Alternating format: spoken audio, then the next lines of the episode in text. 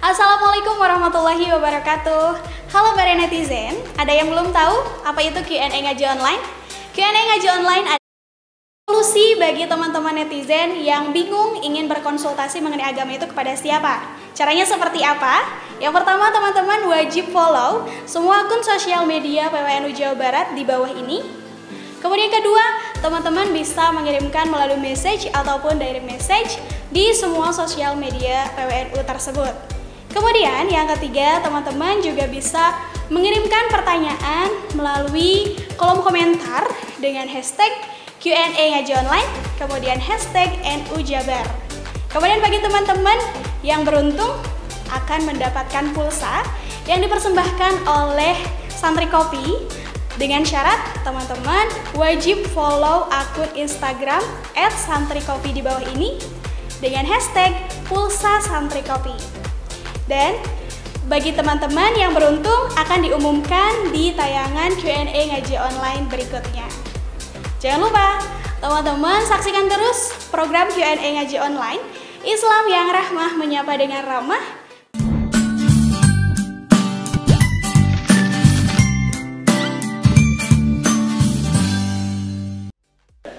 Iya, kita kembali lagi di program Q&A Ngaji Online Islam yang Rahmah menyapa dengan ramah. Nah, Kang, Ya. kita akan melanjutkan Oke. perbincangan yang sangat menarik tadi. Mhm.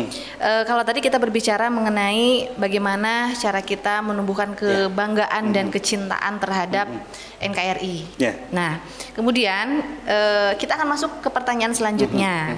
E, pertanyaan selanjutnya.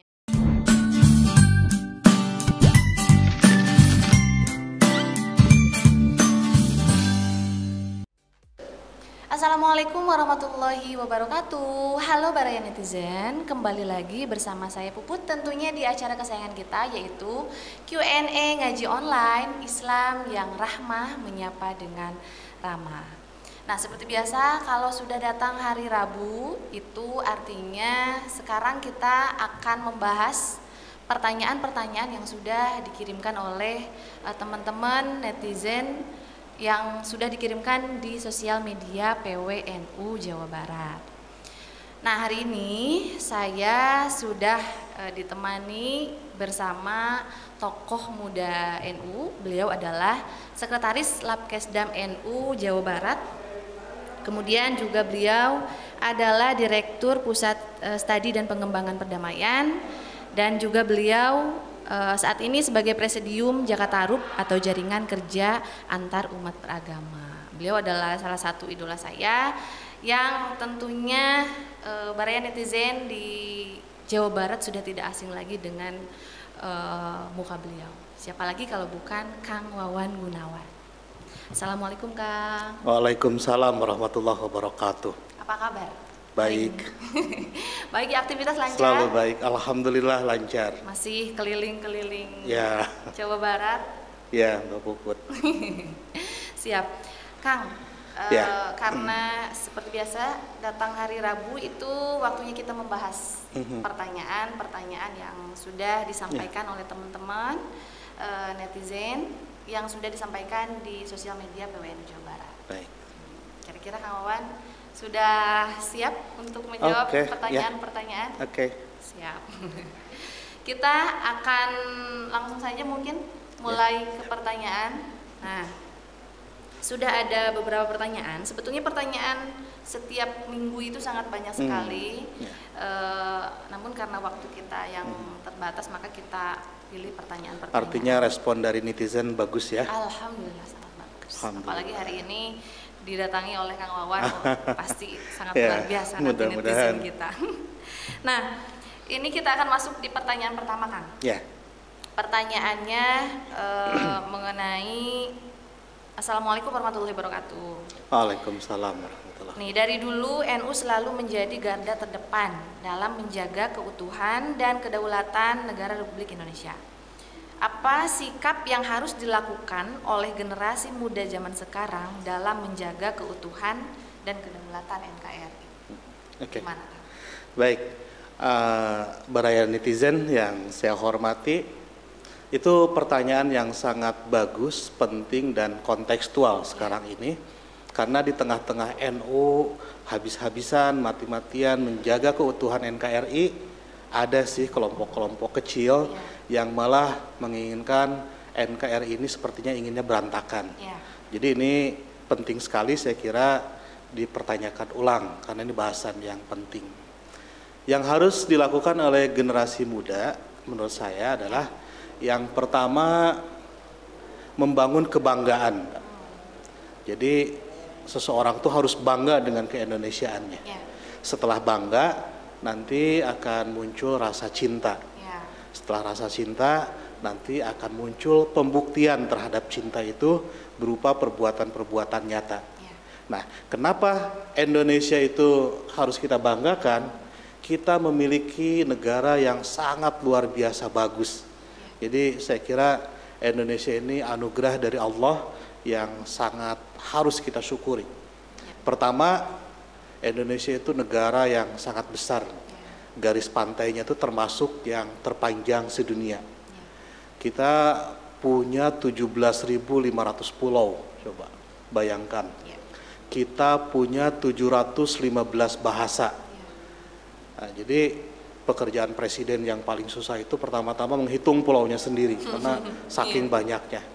Kita punya 715 bahasa, tapi dalam waktu dua hari dalam Kongres Pemuda tahun 1928 berhasil disepakati jadi bahasa persatuannya satu aja bahasa Melayu.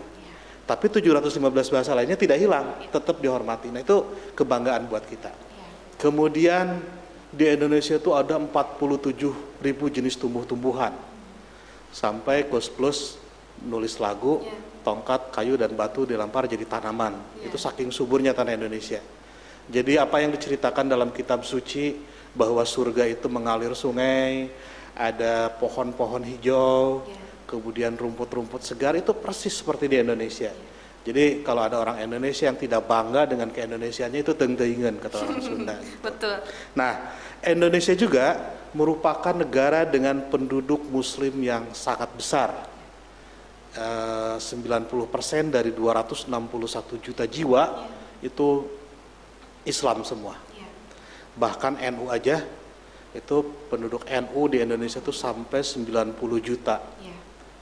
Ini kalau dibandingkan dengan penduduk Saudi Arabia saja, Saudi itu penduduknya sekitar 35 juta. Masih banyak NU, Mbak. Iya. Ah, walaupun NU cara ngitungnya adalah hitung dulu Muhammadiyah, sisanya pasti Sisanya, NU iya. gitu. Nah, jadi kita ini patut bersyukur lah sebagai orang Indonesia. Nah, tapi walaupun Indonesia ini penduduknya muslim terbesar di dunia, tetapi ternyata tidak menginginkan Indonesia ini jadi negara Islam. Malah bentuknya dipilih jadi negara demokrasi yang falsafahnya adalah Pancasila. Ini dulu atas persetujuan Kiai-Kiai NU tentunya. Karena konsep NU adalah Islamnya Islam Nusantara. Islam Nusantara adalah Islam yang menyadari bahwa dirinya harus berinteraksi dengan situasi yang ada. Nah, orang-orang Islam di Indonesia saat itu, para kiai kita, para ulama kita menyadari bahwa walaupun kita umat Islam terbesar di negara ini, tetapi kita tidak menginginkan jadi negara Islam. Karena kita tepa salira, kita toleran dengan saudara-saudara kebangsaan kita yang beragama Kristen, beragama Hindu, beragama Buddha. Akhirnya saat pendirian Republik ini sepakat, ya sudah kita jadi negara Pancasila saja. Nah, ini saya kira tidak mudah dilakukan di negara lain, tapi di Indonesia terjadi sehingga menurut saya kenapa NU selalu garda depan dalam menjaga kedaulatan NKRI, persatuan dan kesatuan. Ya. Itu karena menurut orang-orang NU, NKRI ini NKRI ini warisan. Warisan dari para ulama, warisan dari para kiai. Jadi yang pertama itu, pertama membangun kebanggaan bahwa kita hidup di negara besar, di negara yang majemuk, Ya. dan para alim ulama kita, kiai-kiai kita mengajarkan kita tidak arogan, tidak mentang-mentang kita paling banyak, akhirnya kita tidak menghargai yang lain. Justru ulama-ulama kita menghargai yang lain. Nah, oleh karena itu, bagi kita, ya negara Republik Indonesia ini adalah warisan para ulama. Dan selayaknya sebagai santri, ya seharusnya kita menjaga warisan itu dengan baik gitu. Ya, itu yang pertama. Jadi karena konsepnya konsep Islam Nusantara.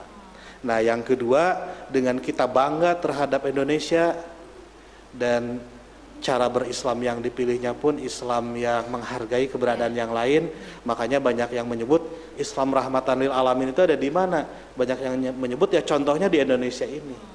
Seandainya mau para pendiri kita, para pendiri bangsa kita pasti sudah menjadikan negara ini negara Islam.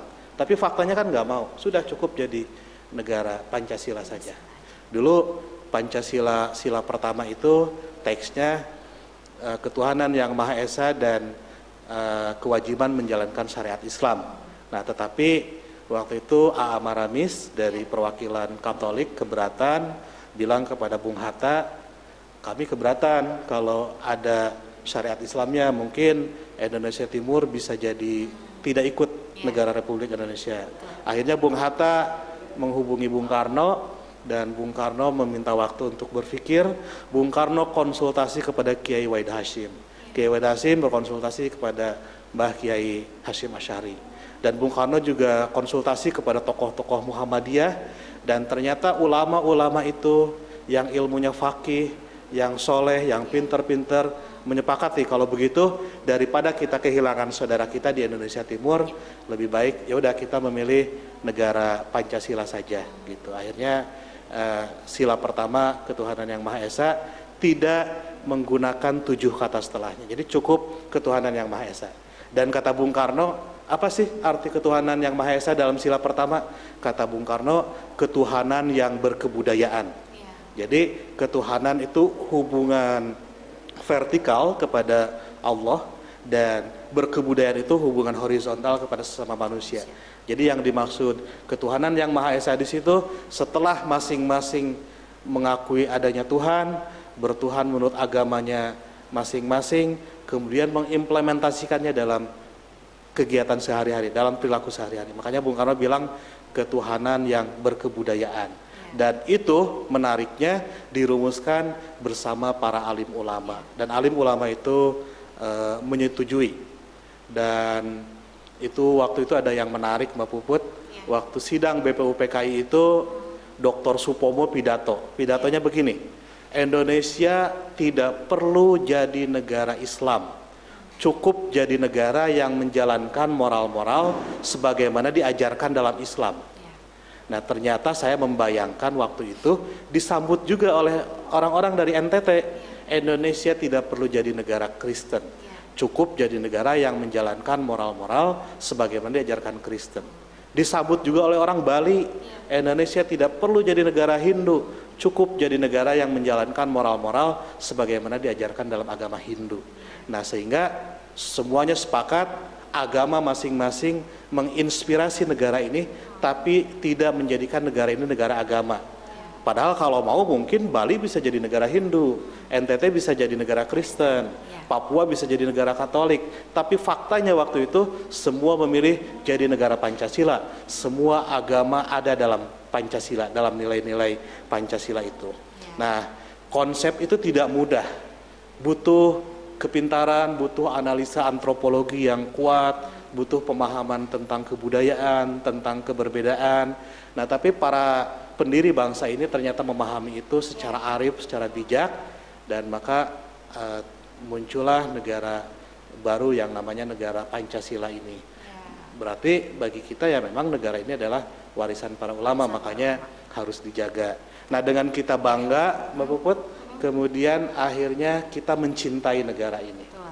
Negara lain punya kearifan, tapi negara kita juga punya kearifan. Hmm, ya, gitu. betul. Nah, Kang, sangat menarik ketika kita berbicara mengenai e, bagaimana menjaga kedaulatan Republik Indonesia. Tadi sudah dikatakan, e, pertama kita harus menanamkan kebanggaan kepada e, negara kita. Yeah. Setelah muncul kebanggaan, maka akan muncul kecintaan kita.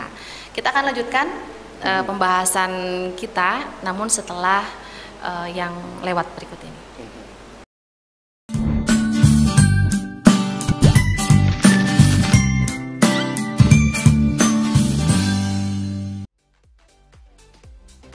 Assalamualaikum warahmatullahi wabarakatuh Halo para netizen, ada yang belum tahu apa itu Q&A ngaji online? Q&A ngaji online adalah solusi bagi teman-teman netizen yang bingung ingin berkonsultasi mengenai agama itu kepada siapa. Caranya seperti apa? Yang pertama, teman-teman wajib follow semua akun sosial media PWNU Jawa Barat di bawah ini. Kemudian kedua, teman-teman bisa mengirimkan melalui message ataupun direct message di semua sosial media PWNU tersebut. Kemudian yang ketiga, teman-teman juga bisa mengirimkan pertanyaan melalui kolom komentar dengan hashtag Q&A ngaji online, kemudian hashtag NU Jabar. Kemudian bagi teman-teman yang beruntung akan mendapatkan pulsa yang dipersembahkan oleh Santri Kopi dengan syarat teman-teman wajib follow akun Instagram @santrikopi di bawah ini dengan hashtag pulsa santri kopi. Dan bagi teman-teman yang beruntung akan diumumkan di tayangan Q&A ngaji online berikutnya. Jangan lupa, teman-teman saksikan terus program Q&A ngaji online Islam yang rahmah menyapa dengan ramah pukul 20.00 di NU Jabar Channel. Terima kasih. Wallahul muwaffiq ila Wassalamualaikum warahmatullahi wabarakatuh.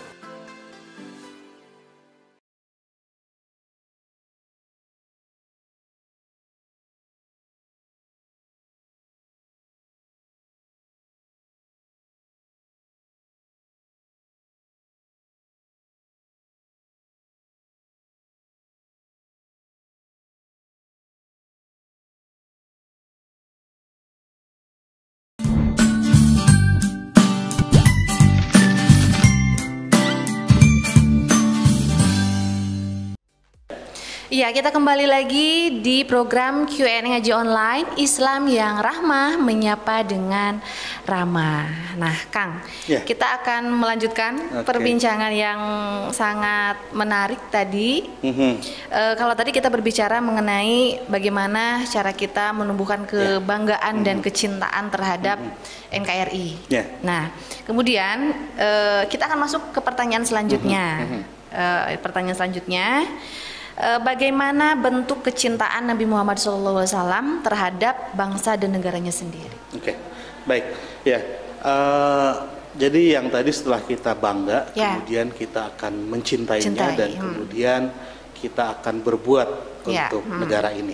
Ya, Dan banyak orang yang beranggapan bahwa nasionalisme itu bukan dari Islam, hmm. Itu dari Barat katanya. Ya. Tapi justru kalau kita definisikan nasionalisme itu mencintai tanah kelahiran kita, Ya. itu Nabi Muhammad mengajarkannya. Hmm. Jadi Nabi Muhammad itu sosok yang sangat mencintai tanah kelahirannya, Mekah. Ya. Hmm. Misalnya ada ada hadis yang diriwayatkan oleh Ibnu Abbas dari Ibnu Hibban mengatakan suatu hari Rasulullah SAW bersabda, Ya. alangkah baiknya engkau Mekah sebagai sebuah negeri dan engkau merupakan negeri yang paling aku cintai. Ya. Seandainya kaumku tidak mengusirku dari engkau, niscaya tidak tinggal, niscaya aku tidak tinggal di negeri selainmu. Ya. Jadi Nabi Muhammad sangat mencintai Mekah. Tapi karena waktu itu beliau diusir, Ya. kemudian beliau hijrah ke Yathrib dan beliau eh, kanjeng Nabi itu merubah nama Yathrib itu menjadi Madinah. Ya.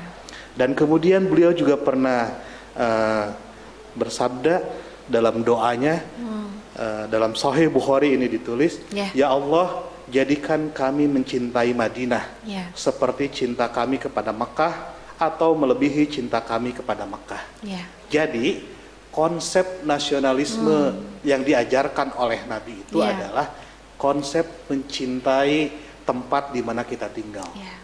Nah, makanya dalam pepatah Melayu dikatakan di mana bumi dipijak, di situ langit dijunjung. Ya. Jadi sebetulnya yang yang kita tinggal ini harus kita cintai. Ya. Dan ini sebenarnya nyambung dengan kalau orang-orang yang belajar filsafat, filsafat barat, filsafat Yunani, Hmm. itu ternyata belajar filsafat itu tujuannya tiga. Ya. Yang pertama agar manusia berpikir rasional, yang kedua agar manusia bisa mengendalikan emosi karena dia punya pikiran yang rasional, Ya. yang ketiga agar mencintai tempat di mana dia tinggal. Ya. Kenapa tempat yang kita tinggali itu harus kita cintai?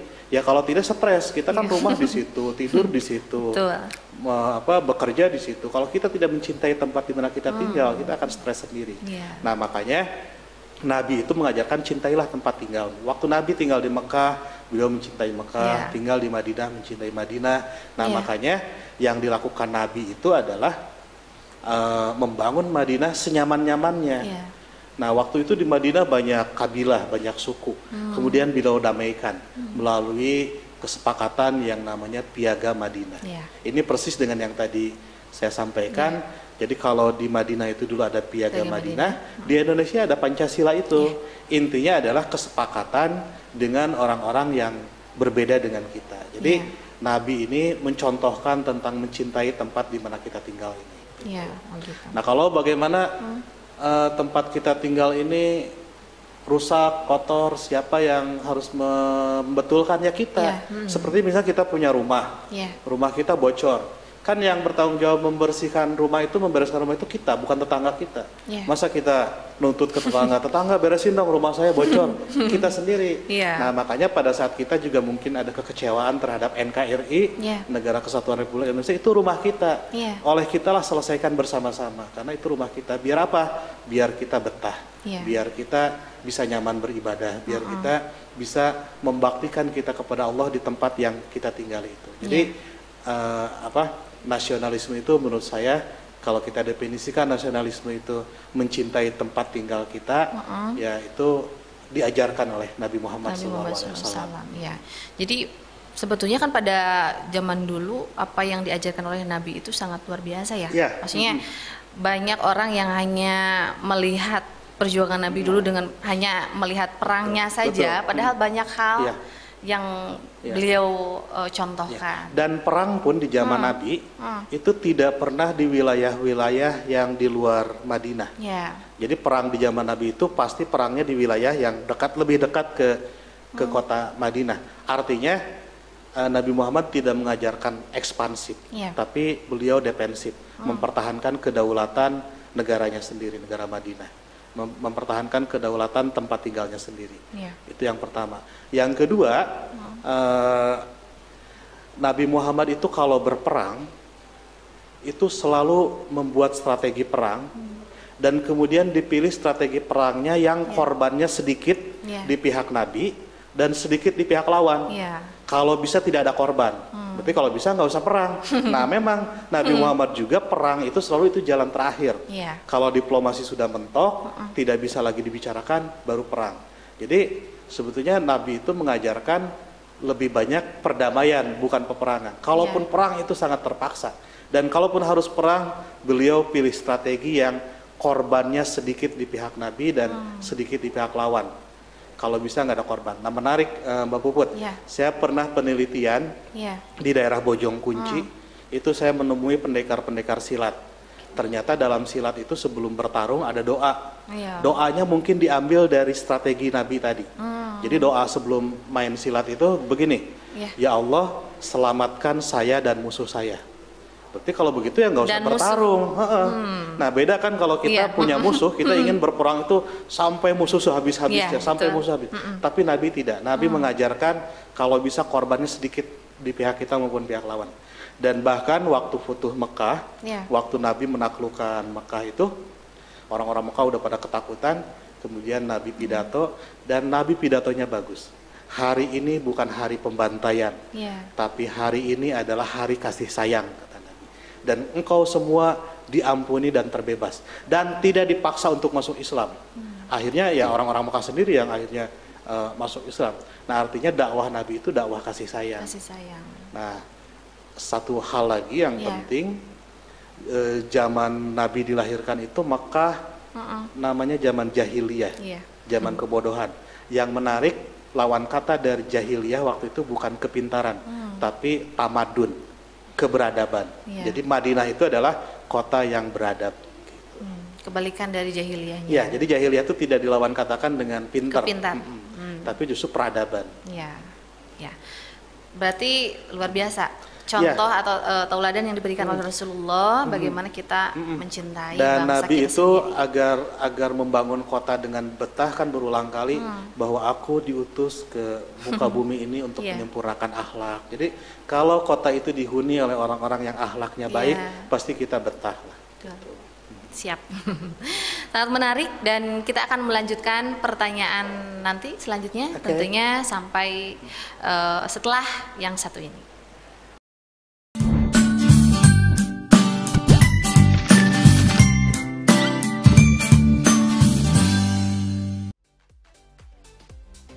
Assalamualaikum warahmatullahi wabarakatuh.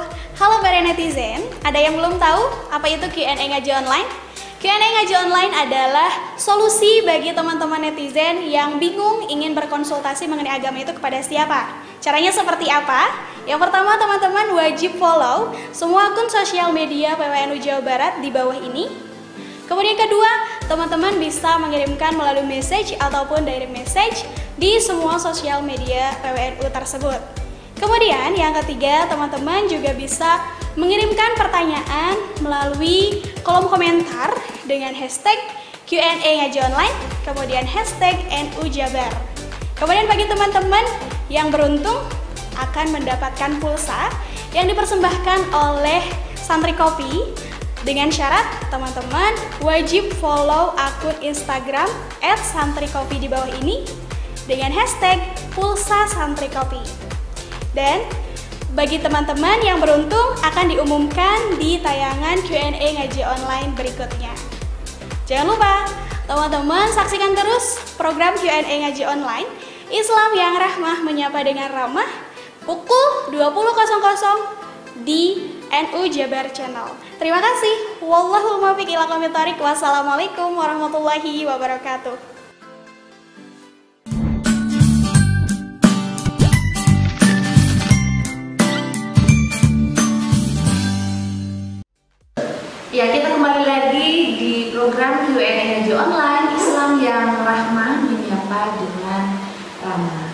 Kita masih bersama Kang Wawan. Nah, Kang Wawan, tadi kita berbicara mengenai bagaimana bentuk kecintaan Rasulullah SAW terhadap negara sendiri. Nah, kemudian ini eh, pertanyaan selanjutnya, apa saja tuntunan Islam dalam menjaga kedaulatan sebuah negara, terutama negara Indonesia? Oke, Eh, itu juga kalau bagi teman-teman NU, Ya. Sudah dicontohkan. Muktamar NU 1935 ya di Banjarmasin itu malah sudah berbicara tentang batas-batas kedaulatan negara Republik Indonesia. Jadi memang sejak awal orang itu lahir untuk mencintai negaranya. Nah, yang diharapkan tentu saja apa yang di Islam disebut dengan ibadah maupun bokor. Jadi sebagai orang Islam kita mengharapkan ya negara ini negara yang adil, negara yang tertib, negara yang rapih, negara yang eh, keamanannya kuat. Nah makanya eh, orang Islam itu kalau dulu sahabat Nabi itu bertanya kepada Nabi Muhammad, ya Rasulullah, apa itu definisi Islam? Kemudian Nabi Muhammad menjawab, Islam adalah jika orang yang ada di sekelilingmu selamat dari kejahatan lidah dan tangan. Jadi Islam itu yang mengharapkan relasi antar manusia yang ada di dalam suatu wilayah itu bisa saling mengamankan dari kejahatan lidah dan tangan. Tentu ini adalah metafor. Jadi intinya ya kalau kita mengaku Islam, bagaimana yang ada di sekeliling kita itu merasa aman dengan negara kita. Nah sehingga eh, kalau saya melihat dari riwayat Nabi, Ya. Nabi itu waktu kecil gelarnya Al Amin Ya. yang dapat dipercaya. Karena Nabi Muhammad itu orang yang dikenal sangat jujur di Mekah. Kalau menyimpan amanah itu sangat rapi. Orang banyak yang menitipkan uang kepada Nabi Muhammad. Dan di usia 40 Rasulullah itu mendeklarasikan iman. Beliau uh, mendeklarasikan ya saya ini adalah utusan Allah. Jadi setelah amin membuktikan amin itu menjadi iman. Nah, setelah mengaku iman, harus memberikan rasa aman kepada yang lain. Nah, ini bagus kalau Bapak Puput atau teman-teman netizen Baraya punya tiga anak, Iya. bisa dikasih nama anaknya tiga itu. Amin, Aman. iman, dan aman. Aman. Ini berkaitan ya saya. Iya. Jadi eh, dalam bernegara pun kita mengharapkan negara yang aman. Negara aman itu ya satu sama lain harus membangun relasi yang positif, relasi yang baik. Ini yang disebut eh, baldatun tayyibatun wabarakatuh. Nah malah eh, dalam konteks ini Pak Quraisy pernah ditanya, Pak Quraisy. Kalau kami mentaati undang-undang lalu lintas itu sesuai syariat Islam nggak? Hmm. Quraisy Shihab menjawab sesuai syariat Islam. Karena apa? Karena undang-undang lalu lintas itu satu untuk menjaga ketertiban di masyarakat, untuk menjaga keadilan. Jadi kalau di sini lampu merah, di sana hijau, di sini eh, kuning, itu untuk menjaga ketertiban. Dan Islam itu mencintai ketertiban, mencintai keteraturan, dan mencintai keadilan. Nah, makanya Pak Polres bilang mentaati undang-undang lalu lintas itu sesuai dengan syariat Islam karena itu menjadikan kita negara ini tertib. Dan satu lagi Pak Polres menjawab karena undang-undang lalu lintas Iya. dilahirkan oh, dilahirkan oleh Republik Indonesia yang negaranya sah secara hukum Islam. Iya. Jadi eh, waktu tahun 45 itu ya sebuah kiai, sebuah ulama menyepakati negara ini negara Republik Indonesia berarti negara ini negara sah Iya. menurut orang-orang Islam dan juga sebetulnya menurut agama-agama lain. Iya. Nah sehingga menjalankan undang-undang lalu lintas berarti kita juga menjalankan sebuah amanat undang-undang yang dibikin oleh negara yang juga sah. Iya. Nah sekali lagi itu yang disebut Islam Nusantara, itu disebut Islam Indonesia, Islam yang berhubung dalam konteks keindonesiaan. Jadi tidak harus letter words pakai istilah negara Islam, tapi substansinya adalah tentang nilai-nilai Islam. Makanya dulu Kiai Kiai itu waktu tahun 50-an tidak membuat Darul Islam, tetapi membuat Darus Salam. Kalau Darul Islam itu konteksnya eh, konsep politik, itu ijtihad politik harus negara Islam. Tapi bagi Kiai Kiai tidak harus Darul Islam, tapi Darus Salam, negeri yang eh, apa, negeri yang mendambakan keselamatan. Nah, jadi itu prinsip-prinsip Islam dalam membangun negara Iya. sehingga saya sering dapat pertanyaan nih kalau saya sedang sosialisasi Pancasila. Iya. Ada yang bertanya, Kang, kita lebih pilih mana bela Islam atau bela negara? Iya. Saya waktu itu tidak jawab bela Safira, tapi saya jawabnya gini. Saya jawabnya membela negara bagian daripada membela agama. Jadi kita tidak bisa dipisahkan. Pokoknya bela agama, eh, bela negara nanti tidak. Justru membela agama bagian, membela negara bagian dari bela agama. Nah, kenapa? Karena tidak mungkin kita bisa beragama dengan baik, kita bisa Ya. beragama dengan tenang, Ya. beribadah, kalau negaranya hancur. Kan di kaidah usul fikih begitu. Kalau sesuatu yang memfasilitasi kita untuk menjalankan kewajiban, fasilitas itu jadi wajib. Nah, kewajiban kita itu beribadah. Nah, negara itu menjadi potensi agar kita bisa beribadah dengan baik. Nah, sehingga negara juga harus kita rawat, harus kita jaga. Nah, itu sekian uh, prinsip-prinsip dalam Islam bahwa Iya. kita harus menjaga kedaulatan negara, keamanan negara, dan seterusnya. Jadi tuntunan-tuntunan dalam Islam bagaimana menjalankan kedaulatan Republik Indonesia. Oke. Ya. Eh, pembahasan pertanyaan kita sudah habis Hmm. hari ini. Mudah-mudahan eh, baraya netizen di di mana pun berada bisa eh, memahami dengan baik apa yang disampaikan tadi oleh Kang Wawan. Nah, terakhir Kang Wawan, eh, statement terakhir dari Kang Wawan Hmm. untuk generasi milenial, generasi muda di mana pun berada. Nah, yang pertama sedikit ya, Dani. Jadi kita mencintai negeri ini, kita mencintai bangsa ini menjadi kedaulatan NKRI. Pertama itu sudah dicontohkan dari Nabi Muhammad.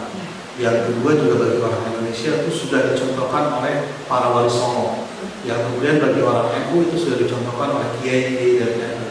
Sampai Pak Kiai Ahmad Siddiq itu punya punya ajaran ada ukhuwah Islamiyah, ukhuwah wataniyah, dan ukhuwah insaniyah. Nah, jadi bagi orang itu lengkap lah beragama dengan bernegara itu satu tarikan nafas. Jadi eh, saya buat generasi milenial perdalam kembali sejarah karena sejarah Indonesia itu menarik dan sejarah Indonesia itu dibangun oleh orang-orang milenial di zamannya. Iya. Karena waktu Muhammad Yamin bikin uh, Kongres Pemuda 1928 itu umurnya sekitar 21 tahun. Waktu Kiai Wahid Hasim jadi menteri itu umurnya 34 tahun. Jadi gali sejarah Indonesia, cintai Indonesia dan berbuat untuk Indonesia. Kita ini 100% Indonesia, 100% Islam. Gitu. Oke, siap. Sekali lagi terima kasih Pak Sama-sama. Wawan sudah menyempatkan waktu untuk hadir di program Q&A Online. Mudah-mudahan aktivitasnya lancar selalu, yang selalu keliling-keliling Jawa Barat untuk menebar manfaat dan kebaikan. Terima kasih. Sekali lagi terima kasih. Sama-sama. Salam untuk Ibu. Salam juga untuk Baraya Netizen. Siap. ya, eh, baiklah netizen, uh, netizen semuanya sudah kita eh, kupas tuntas pertanyaan-pertanyaan kita hari ini dan eh, kita akan mengingatkan lagi pada para netizen yang lupa yang masih eh, penasaran untuk bertanya seputar kehidupan sehari-hari atau kehidupan agama baik itu kehidupan bernegara juga silakan eh, teman-teman atau para netizen bisa mengirimkan pertanyaan melalui kolom komentar bawah ini atau bisa eh, melalui message di Instagram di NU Jabar Channel, kemudian juga di uh, Facebooknya di NU Jabar Online. Dan jangan lupa terus saksikan program Q&A Online setiap hari Rabu pukul 8 malam. Tentunya hanya di sosial media PWNU Jawa Barat. Dan akhirnya saya Puput bersama uh, seluruh kerabat kerja yang bertugas uh, Pamit undur, terima kasih atas segala perhatian dan juga mohon maaf atas segala tindakan. Wallahu muwaffiq ila Wassalamualaikum warahmatullahi wabarakatuh. Waalaikumsalam.